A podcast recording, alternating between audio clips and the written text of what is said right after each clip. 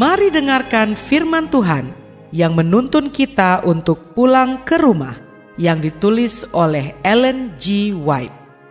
Melalui renungan pagi ini, kita akan belajar untuk berani menghadapi masa depan karena kita tidak lupa pimpinan Tuhan di masa yang lalu.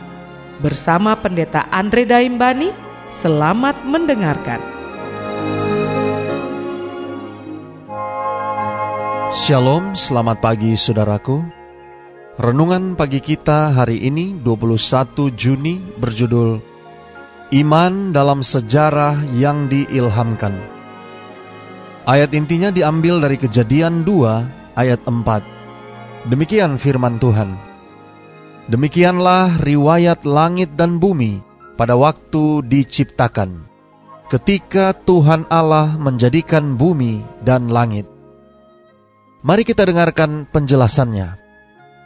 Para ahli ilmu geologi mengakui telah mendapatkan bukti dari bumi ini sendiri bahwa bumi ini jauh lebih tua umurnya dari apa yang diajarkan oleh tulisan Nabi Musa.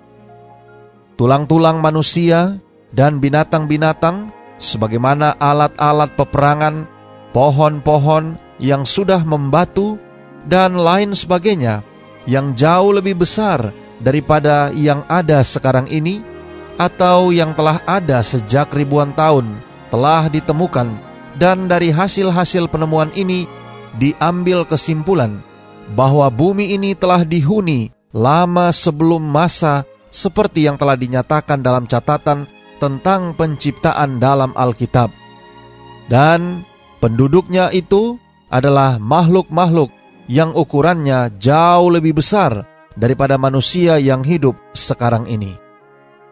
Dalih seperti ini telah menyebabkan banyak orang yang mengakui percaya akan Alkitab telah berpendapat bahwa hari-hari penciptaan itu merupakan satu jangka waktu yang lama dan tidak terbatas. Tetapi terpisah dari sejarah Alkitab, ilmu bumi atau geologi tidak dapat membuktikan apa-apa. Mereka yang mendasarkan pendapatnya atas penemuan-penemuan tersebut tidak mempunyai pemikiran yang pasti tentang ukuran manusia, binatang-binatang, dan pohon-pohon sebelum air bah, ataupun tentang perubahan-perubahan yang terjadi pada waktu itu. Barang-barang kuno yang diketemukan di dalam bumi ini memang memberikan bukti tentang suatu keadaan yang coraknya berbeda dalam banyak hal dari keadaan sekarang ini. Tetapi kapan waktunya keadaan tersebut berlaku hanya dapat dipelajari dari sabda yang diilhamkan itu. Di dalam sejarah tentang air bah, firman Allah telah menjelaskan apa yang tidak akan pernah dapat diterangkan hanya oleh ilmu geologi saja. Pada zaman Nuh, manusia, binatang-binatang, dan pohon-pohon yang jauh lebih besar daripada yang ada sekarang ini telah terpendam, dan dengan demikian telah terpelihara sebagai satu bukti kepada generasi mendatang bahwa orang-orang pada zaman Nuh telah dibinasakan oleh air bah. Tuhan menghendaki agar penemuan-penemuan akan benda-benda tersebut dapat meneguhkan iman dalam sejarah yang diilhamkan itu. Tetapi manusia dengan dalihnya yang sia-sia jatuh ke dalam kesalahan yang sama seperti halnya orang-orang pada zaman sebelum air bah. Perkara-perkara yang diberikan Allah kepada mereka sebagai satu keuntungan telah diubahkan menjadi satu laknat dengan menyalahgunakannya. Saudara-saudara yang kekasih di dalam Tuhan, adalah salah satu usaha iblis untuk menuntun manusia agar menerima dongeng orang-orang yang tidak percaya, karena dengan demikian ia dapat mengaburkan hukum Allah yang sebenarnya jelas, serta mengeraskan manusia untuk memberontak terhadap pemerintahan ilahi. Usahanya itu terutama sekali diarahkan terhadap hukum yang keempat, oleh karena hukum ini dengan jelas menyatakan adanya Allah yang hidup, halik, pencipta langit dan bumi.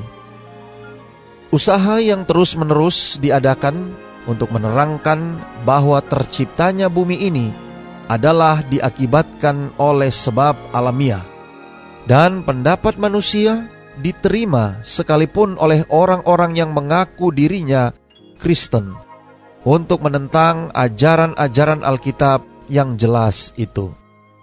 Alfa dan Omega jilid 1 halaman 121 sampai 123.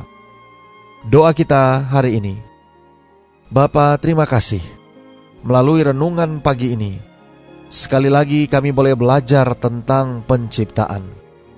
Terima kasih melalui renungan pagi ini kami diingatkan bagaimana iman dalam sejarah yang diilhamkan.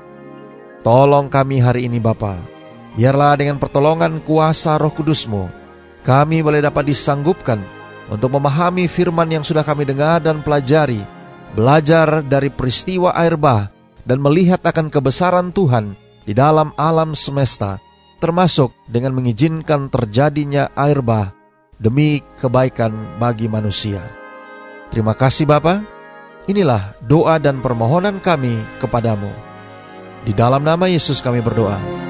Amin.